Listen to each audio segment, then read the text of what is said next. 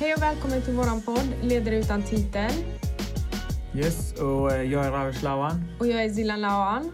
Och eh, vem har vi med oss idag? Jag heter Tatjana Håkansson. Tatjana Håkansson har vi framför oss idag. Ja.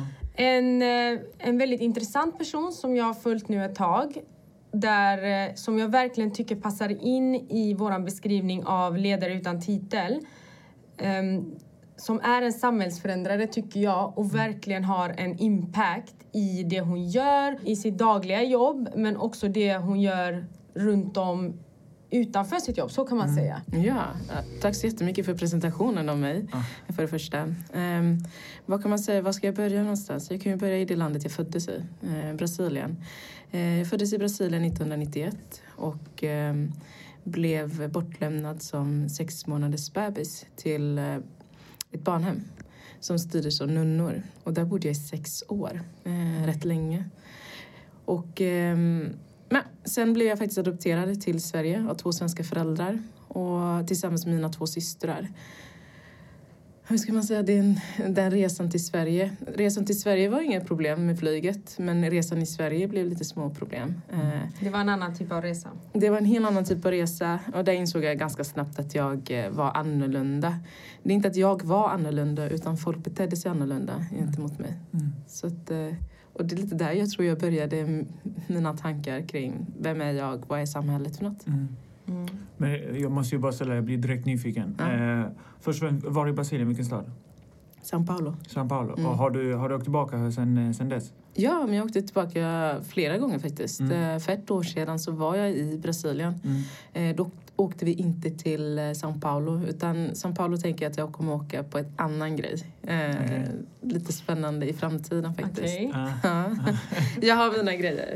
Eh, så att eh, São Paulo är jag ju född Mm. i. Eh, väldigt fin stad men Mm. jobbig stad. Ganska mycket folk. Mm. Mm. Men när du kommer hem, vad, alltså, vad är det? Är det en vemodig känsla eller? När du kommer hem till Brasilien. Ja, hem till Brasilien menar jag såklart. Mm. Men nu, har- nu har du definierat det som hem. Ja, men det det har beror på hur man definierar hem. Ja, Det det. det, men man behöver ha ett hem. Ja, Ja. man Nej, ha men- ett hem. Men just där då? Mm, Där- eh, för mig är Brasilien hem. Ehm, det är att eh, jag kan gå på gatan utan att folk ser på mig som om jag vore en alien.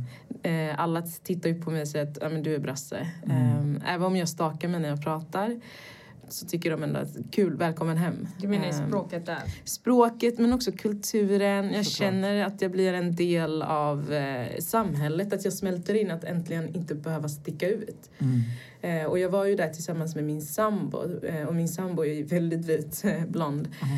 Och, eh, och den personen stack ut jättemycket. Så att jag fick ju vara den här som fick integra, alltså integrera personen in till mitt förra samhälle. Det var så sjukt. Mm. Det blev helt tvärt emot som när du bor här i Sverige. Ja, ja, ja.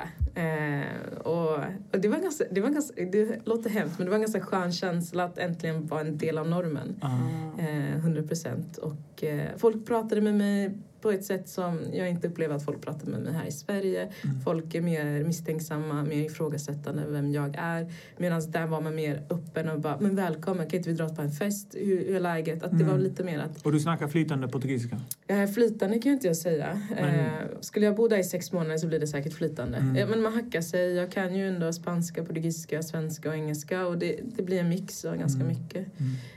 Eh, Men, så att Brasilien är ju ett hem på ett annat sätt. Mm. Eh, Sverige är också ett hem på ett annat sätt. Jag har bott i USA också. Mm. Det har varit ett hem på ett annat sätt också. Mm. Eh, där jag fick lite I USA var det mer att jag fick uppleva eh, svart kvinna, hur det är att vara svart kvinna. Mm. Okej, det Eh. måste vi gå in på. Men om vi bara backar okej. lite, Mm. för att jag vill verkligen hinna. Det är så mycket jag skulle kunna fråga här. Om vi bara backar, var växte du upp i Sverige? Mm. Eh, jag växte upp i Göteborg, Ja. eh, i en liten förort till Göteborg. Jag brukar inte säga förort för att ni vet definitionen av förort. För- Förort idag är en helt annan definition. den här så kallade förorten var vit överklassförorten eh, i Göteborg. Därför jag har en fin dialekt tror jag. Ah. Nej men där växte jag upp och det, och det var ganska tufft kan jag säga. Ah, På gru- På grund, av, på grund av hur du såg ut alltså? Nej men på grund av vem jag var. var Ja. alltså, alltså som sagt, eh, jag är långt ifrån vit. Ja. och eh, kvinna och... Eh, men det som jag tror var tufft för mig det var att jag inte ville simma mm, alltså medströms. Mm. Utan jag simmade motströms och Mm. jag sa till, eh, jag sa ifrån, jag ställde mig, ställde upp för vem jag var och liksom vilka rättigheter jag hade. Mm. Och det stack många människor i, i ögonen och därför tror jag att jag blev så mobbad som jag blev också. För att du inte bara ställde dig i led och liksom... Nej, för det vägrar jag göra.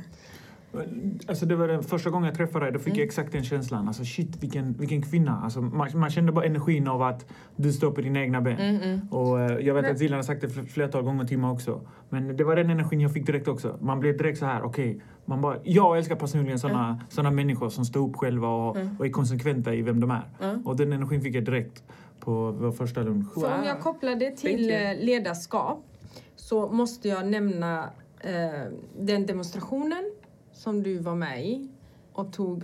För det var en demonstration eller? eller Jag har varit med på många ja, demonstrationer. men där, då du ställde dig och höll ett tal. Mm. Eh, för då var du väldigt ung Mm. och det var inte självklart att vid den åldern att man vågar göra det. Berätta lite om den situationen för jag tycker ändå att den visar när en människa tar ansvar över sitt egna ledarskap Mm. och gör det som man vill och den påverkan man vill ha i samhället. Vad hände då? Ja, jag minns jag, den demonstrationen som jag kan tänka mig där jag blev mest aktiv eh, från den dagen. Det var ju när jag flyttade upp till Umeå första gången, liksom flyttade hemifrån. Eh, Innan dess hade jag ändå åkt till i USA och bott där själv så att jag visste vad självständighet var och allt det här. Men då åkte jag till Umeå och eh, då var det några nazister som gick på gatan Varför flyttade du till Umeå? för att studera men också för att komma bort från Göteborg. Okej, bra. Mm.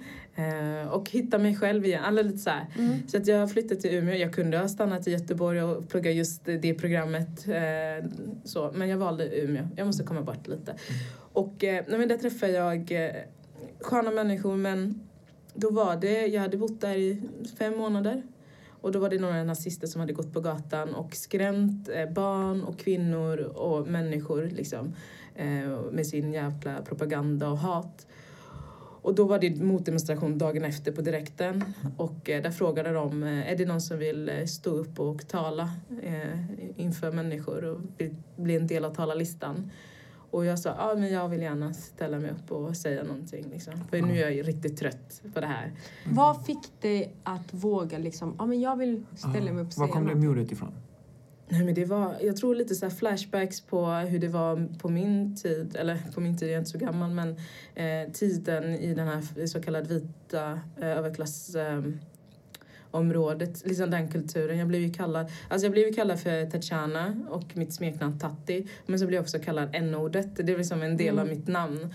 Och jag, bara, jag blev så här, nej, nu ska de fa- fasiken veta liksom att Hur gammal var okej. du då? Vi- Hur gammal är du idag? Jag är 27 år. Och hur gammal var du då? Oj, jag var väl 19. Ja, det är ungt. Och ta det beslutet, Ja, jag vill tala. Mm. Men jag tog det här beslutet så jag skrev till dem och sa skriv upp mig. Men jag tänkte okej vänta lite jag har inte sett tal. Eh, jag vet att nazisterna kommer ju komma på den här motdemonstrationen och filma mig och ta kort på mig och eh, i princip hänga ut mig totally. Men jag bara okej, it's worth it then. För jag menar mer skit kan jag inte... Alltså det, för mig är det, det finns ju olika nivåer på skit absolut men det här var så här mm, äh, det bryr jag mig inte om. Så jag ringde faktiskt min pappa och sa så här, du jag är egentligen väldigt rädd för det här.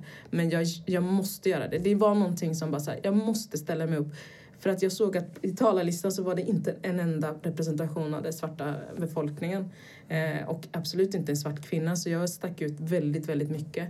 Men jag bestämde mig, okej, nu måste jag skriva ett tal. Så jag kunde inte ens sova den natten. Utan jag skrev det här talet, som jag har än idag kvar. Och ehm, dagen efter ställde jag mig upp och höll det här talet. Mm. Och jag sprang hem. Från demonstrationen sprang jag hem. Jag har aldrig sprungit så snabbt i hela mitt liv. Sprang jag hem. För jag, var, jag trodde att nazisterna var bakom mig. Lite paranoia. Eh, och eh, jag sprang hem och så sa jag till pappa att... Och så ringde jag pappa och sa nu har jag gjort det hela. Då sa han bra. Då ska du försöka hitta en organisation som kan backa upp dig. Eh, Mm. Så att du inte är ensam i det. Eh, och så det var så det började alltihop. Så att jag började skriva till Vad fick du organisationen. för respons från talet då?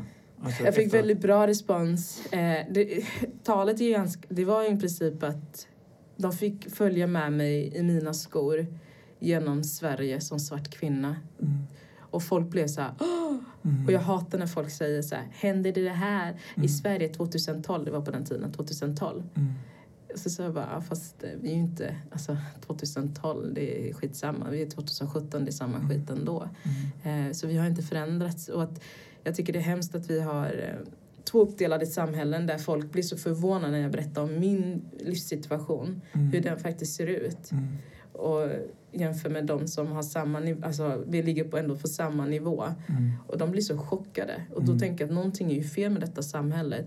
Om de blir så chockade över hur den strukturella rasismen påverkar mig och flera andra. Då är det någonting med kunskapsnivån som Ja, jag inte... menar, vad var det? 2012, vi är 2019 nu och Mm. det talet är säkert relevant idag. Ja, ja, Igen. 100 procent. Och det kommer säkert Absolut. vara tidlöst också. så Och det- det här tycker jag verkligen, som jag sa innan, representerar ledarskap, det ledarskap du har tagit. Du har ju inte slutat där vid det talet, det har ju Nej. fortsatt.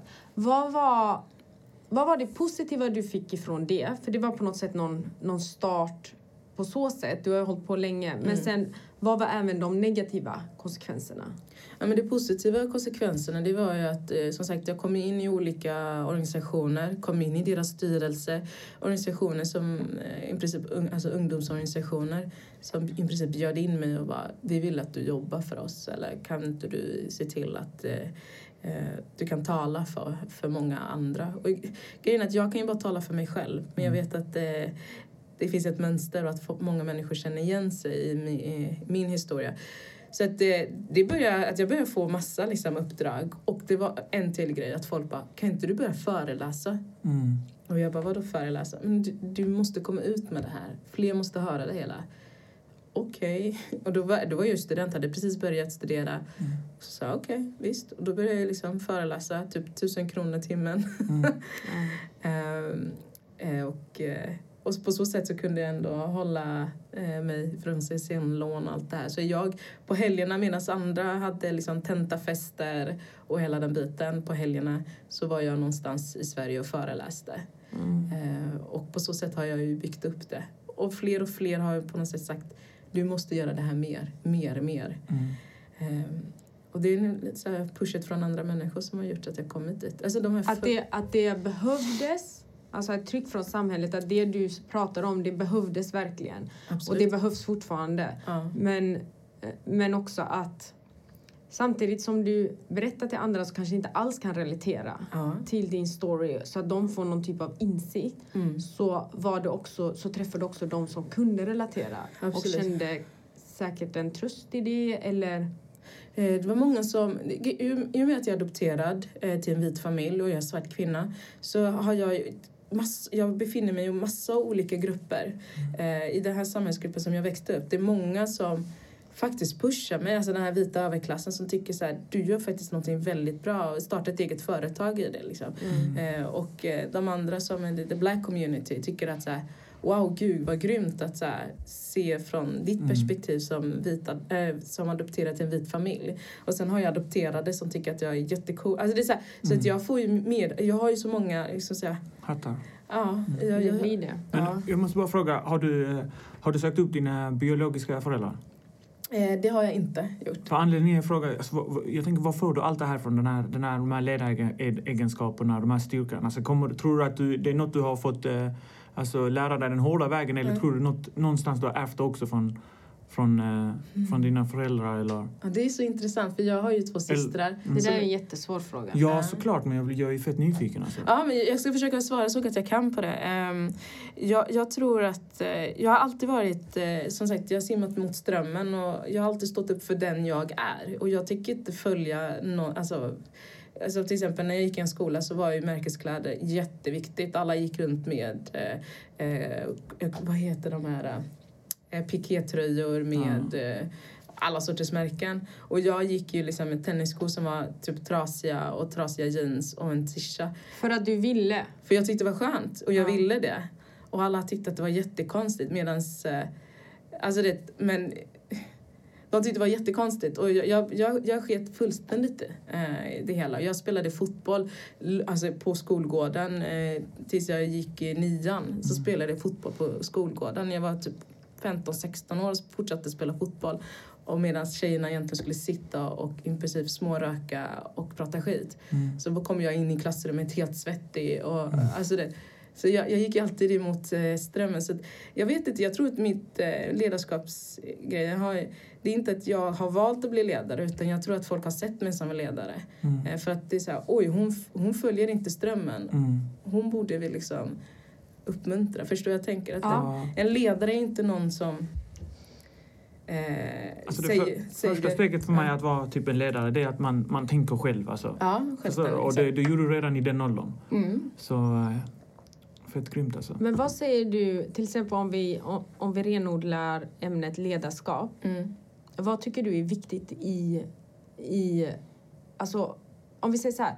Vad tycker du är viktigt för egenskaper? Vilka egenskaper är viktigt för en ledare? Ehm, wow.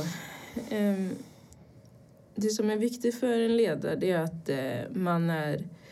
Så, jag vill komma tillbaka lite att en ledare är ju inte någonting som... Alltså det är titeln men utan titel som ni Mm. har. Men Ja. en ledare det handlar ju om de som faktiskt ser dig som en ledare. Mm. Mm. Okej. Så, och, och de som ser dig som en ledare, lyssna mer på dem. Be humble to them. Alltså verkligen eh, ta vara på dem. Eh, var snäll mot dem. Och eh, få dem också komma upp eh, till din plattform och lyssna på dem. Så att en bra, en bra ledarskap det är liksom lyssna. Ta, alltså få med folket. Inte vara den som är först och bara kom med mig. Utan Mm. så här, vi går tillsammans. Jag bara pushar här bak och hjälper dig. Eh, det är en bra ledare, eh, egenskaper. Mm. Och eh, en till bra ledaregenskap det är också att man, man är flexibel. Mm. Du måste vara flexibel. Allting från, jag har haft vissa åsikter back in the day som inte jag kan stå för nu. Men jag är flexibel på att ändra det. Vissa, vissa ledare säger jag har alltid haft den åsikten, kommer jag alltid ha. Mm. Eh, men det är ju så att eh, samhället förändras och där bör också eh, din ledarskapsstil förändras, Såklart. dina åsikter förändras. Eh, och du måste vara väldigt mycket ödmjukhet. Alltså ödmjukhet kommer du långt på. Mm. Mm. Tro det eller ej. Ja, ja, ja. Det kommer du långt på. Så att jag försöker vara ödmjuk inför de som tycker att jag är en ledare. Mm. Eh, jag försöker vara ödmjuk inför att eh, se andra personers problematik och lyfta fram deras grejer. Tror du på att ehm, alla kan vara ledare? Absolut. Jag tänker så att en ledare, först så ska du vara ledare för dig själv, alltså Mhm. din, din egna ledare. Eh, Jag vet, att, jag vet vem jag är. Mm. Jag leder mig själv, som sagt jag simmar mot strömmen återigen. Börja med dig som ledare, för det kommer komma eh, fler som kommer se dig som en ledare. Mm. Eh, så alla kan bli ledare, det tror jag absolut på. Mm. Mm. Och det sa du också genom att inte bara ta med dem utan följa utan du delar också med dem att förstår ni, ni ska komma upp på min plattform och att tänka Exakt. själv och så får ni leda ni, de, de som följer er. Exakt. Ja, vad grymt. Okej, men berätta om din föreställning. För det, okej, du har gjort allt Mm. det. Eh, nu gör du... eh, Det, all, allt handlar om, egentligen, det är en röd tråd genom allting. Vi skulle kunna ta upp alla punkter. Men Mm. det här är väldigt speciellt. Berätta gärna om din föreställning som du har nu. Ja, jag har en föreställning som heter Svarting och nazisten. Vilket är ganska roligt för jag började min karriär med att eh, demonstrera mot eh, nazisterna och nu tar jag in dem till mig. Det här är liksom var nära din eh, fiende. Och jag är väldigt nära min fiende. Jag bjuder till och med dem hem till mig och säger att du och jag ska föreläsa tillsammans för att se till att samhället blir bättre. Ehm, så att Svarting och nazisten är väl den som i särklass har varit den mest bokade föreläsningen jag någonsin haft. Såklart. Eh, och eh, det drar publik, Mm. men det drar också hat. Mm. Eh, så att jag har ju fått massa reaktioner på den. Eh, jag har pausat den lite, för jag har ganska mycket andra grejer på, eh, runt omkring. Jag har flera nazister som är på väg in, eh, in till mig. Alltså. I föreställningen. I föreställningen. som är på väg in till the black woman's world. Mm. Absolut. Men hur var första mötet med den här nazisten? Ja, herregud. Jag är ju som, jag är väldigt Hur, hur hittade du Ja, hur han- hittade jag honom? Ja. Ja, honom. Eh, jag är ganska galen av mig. Jag lyssnade på personen på P3, Mm. eh, tror jag, dokumentär. Mm. Eh, där han lämnade den organisationen. Så jag skrev till dem och sa hej, jag heter Tatjana Håkansson. Jag skulle gärna vilja komma i kontakt med Daniel som var med i, i det här programmet.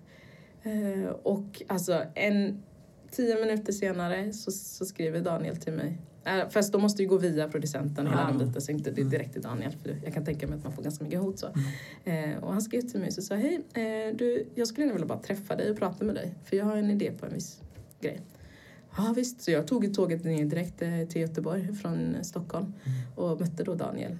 Eh, jag kan ju säga så här, jag var livrädd. Såklart.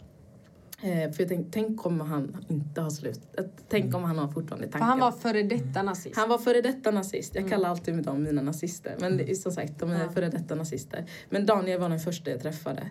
Och ehm, han... ehm, jag, jag var... Fasiken vad nervös jag var. Men där kommer en, en man med tatueringar, med symboler som alltså bara predikar hat. Alltså det var hakkors, det var alltså allt möjligt du kan tänka dig på den här kroppen med tatueringar. Och jag minns ju så väl när vi, då ställde jag mig upp och ska mm, välkomna in honom till det här kaféet. Och folk tittar både på mig och honom och tänker, är det en kamera som Mm. liksom spelar in en scen här? Är det liksom eh, eh, hiding camera? Vad är det här för Då- program? det, det, den där bilden klickade inte med hjärnan. Nej, hur det var socialistisk bild. Eh, där ler jag och kramar om en eh, före detta nazist som lämna, lämnade den här organisationen och mm, som symboliserar fortfarande ganska mycket hat på grund av tatueringar. Eh, det var ett ögonblick kan man säga. Och ett, på det sättet så var jag högt så sa du ska vara med mig. Eh, du, du ska hänga med mig på olika... Eh, på, jag ville ju föreläsa för skolor specifikt. För många nazister är, organisationer brukar vara på skolor och rekrytera. Det är så de gör. Unga människor. Eh, som oftast, unga människor är formbara. Mm. Eh, glöm inte det. Så att, eh, jag sa att du ska hänga med mig Mm. på olika skolor eh, och föreläsa. För att ehm, du har gjort så mycket illa mot samhället så Mm. du måste göra så mycket gott tillbaka. Eh, så vi ska göra det här tillsammans. Och han bara, jag är på. Det är sant. Och ni har gjort föreställningar och det Alltså, har gått jättebra. Hela Ja. den storyn, för mig den största juvelen var alltså, och jag tycker hela samhället och speciellt den politiska världen, allt det. Alltså du, istället för att bygga murar så byggde du broar. Ja, Och det är det absolut. vi behöver göra i Sverige. Kommunicera med eh, de som eh, kanske inte ser ut som oss eller de som inte tycker och tänker som oss. Mm. För jag tror man kan hitta- hitta en gemensam mark, alltså, jag lovar dig. Jag tror Absolut. verkligen på det.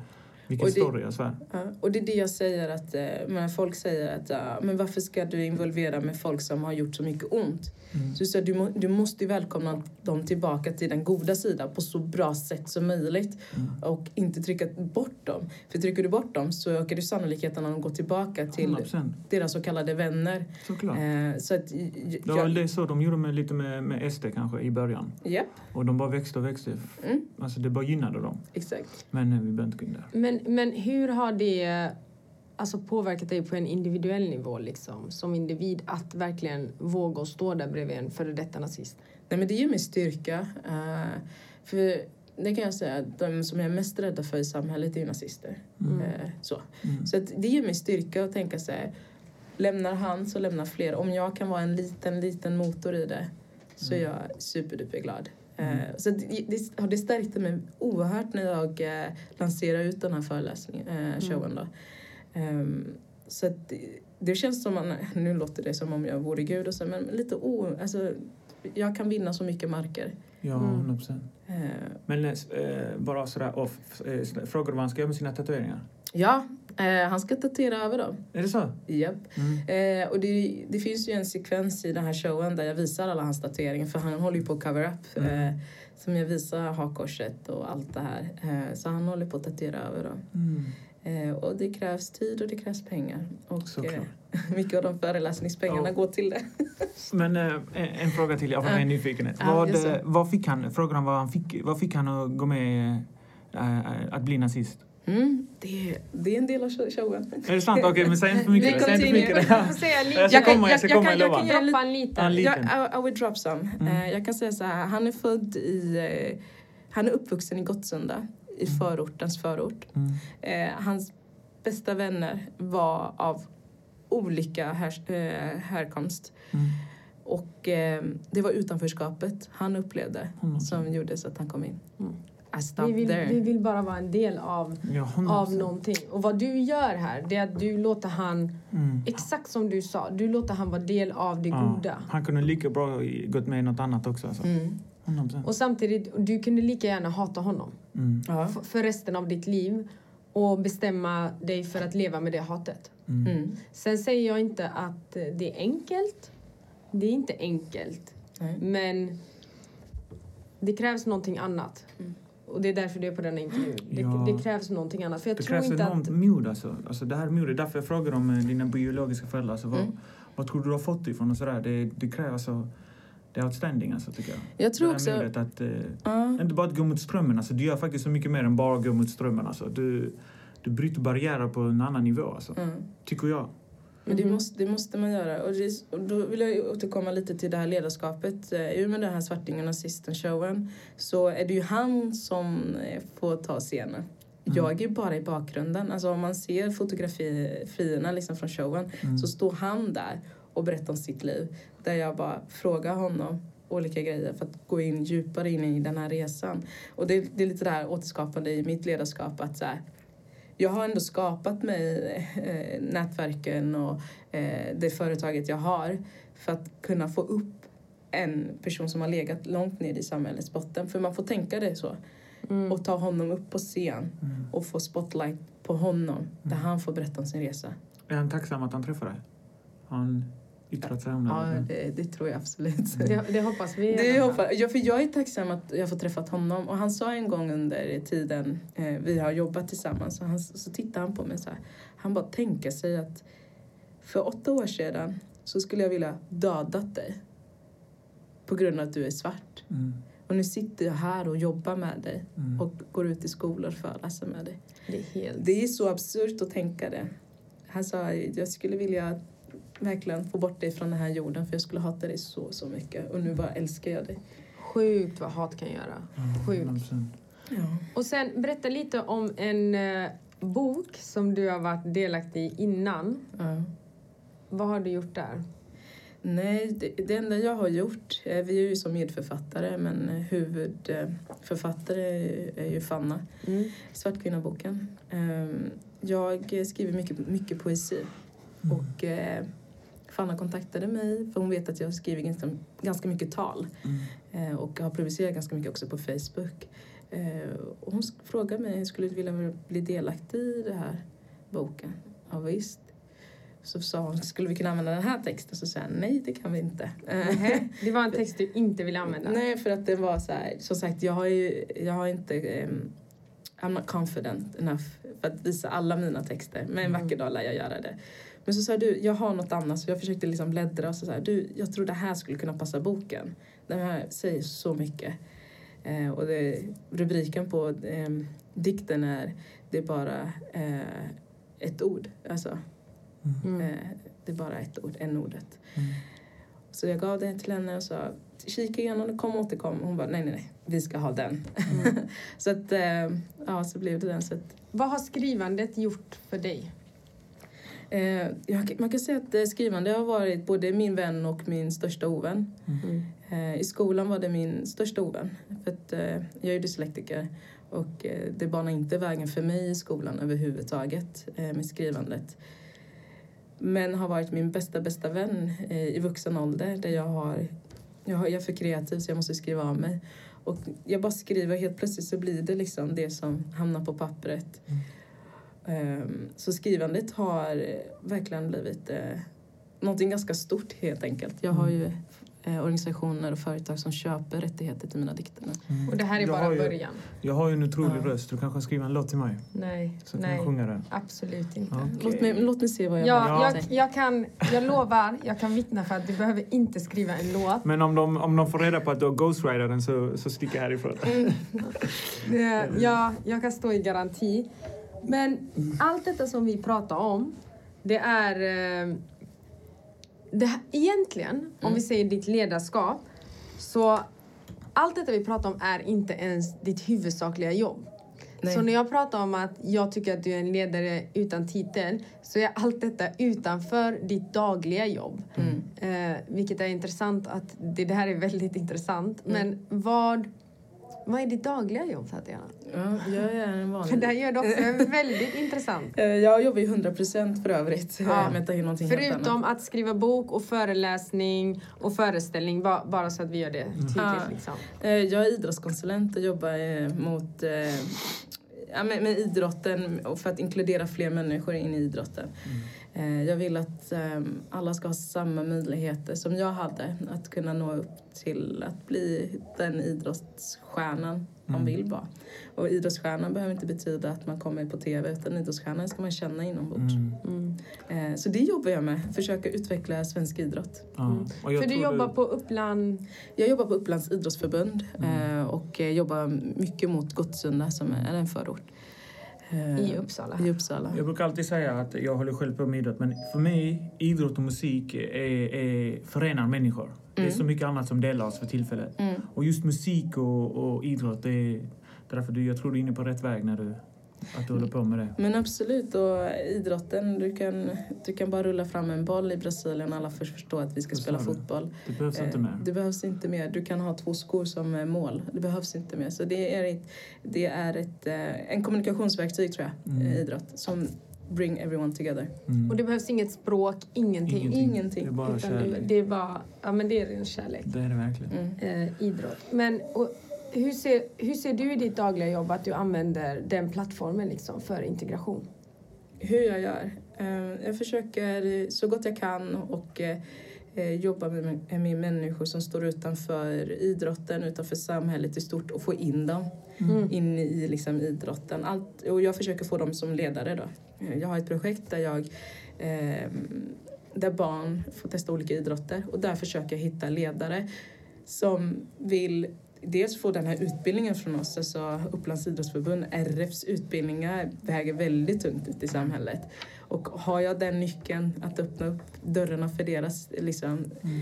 inträde in till arbetslivet och som ledare eh, så gör jag det gärna. Så att jag jobbar ganska mycket, jag försöker hitta liksom, Mm. eh, ledare på ett annat sätt.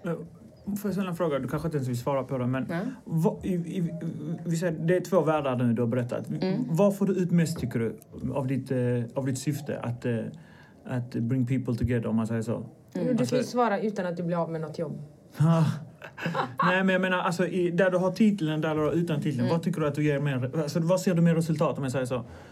Eh, ja, det är så intressant. Nej, men eh, jag kan ju säga så här att ehm, där jag ehm, eh, obehindrat eh, kan jobba med människor Mm. eh, utan att det är en mål uppsatt.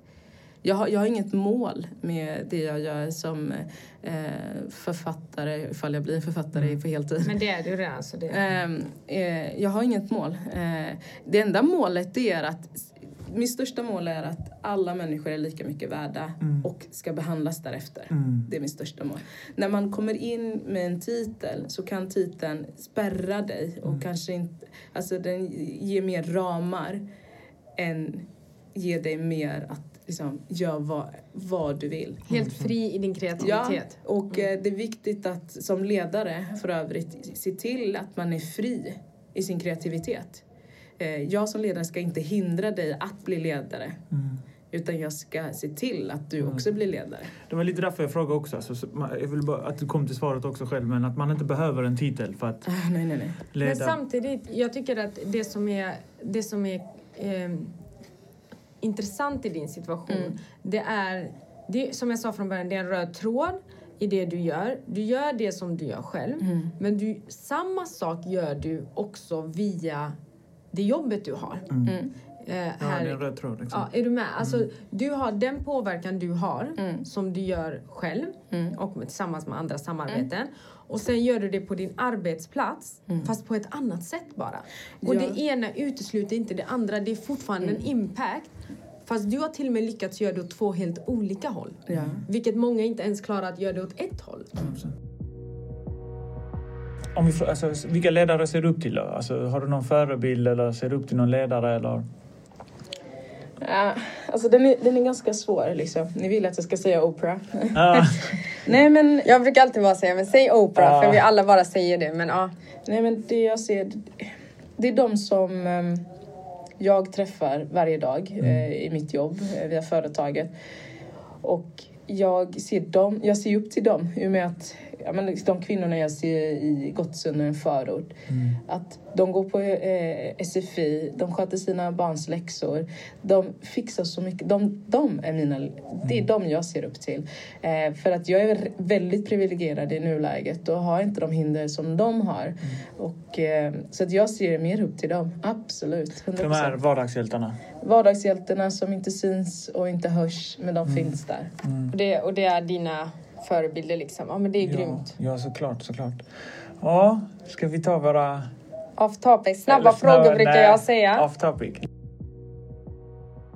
Favorit, alltså drömresemål.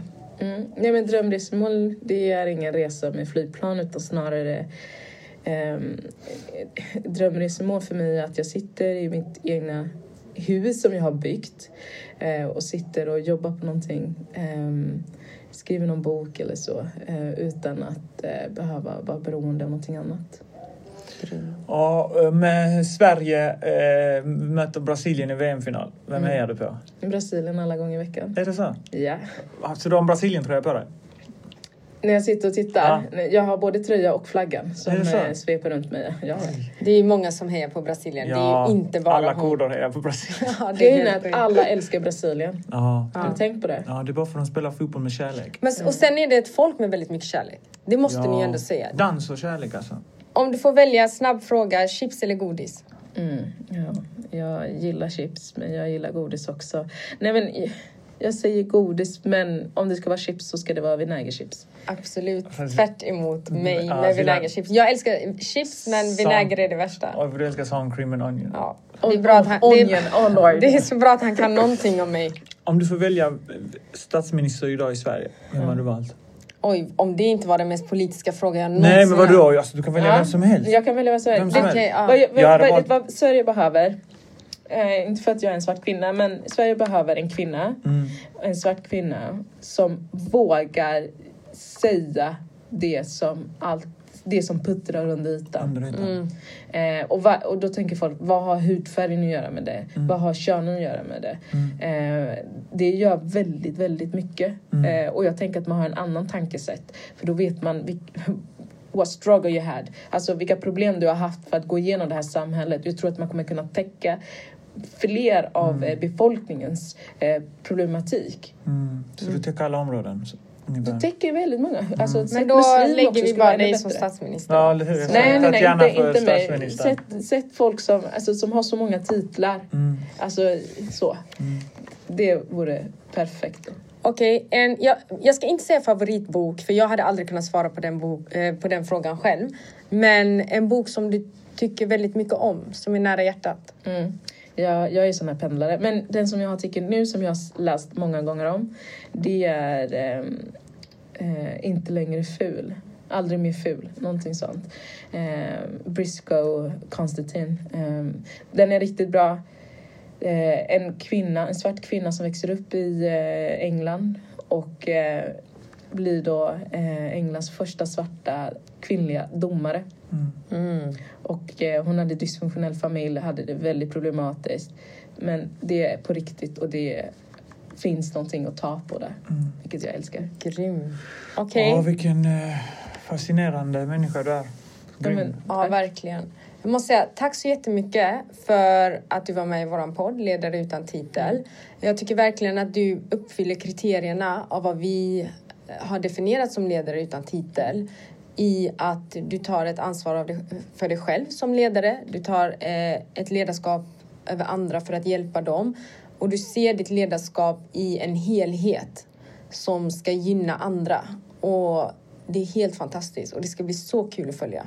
Ja, verkligen. Tack så jättemycket för de varma orden och jag tänker att vi alla gör det här tillsammans. Verkligen. Eh, Yes, det är därför Så. vi sitter här idag. bra. Tack, tack! mycket. Tack själv, hejdå.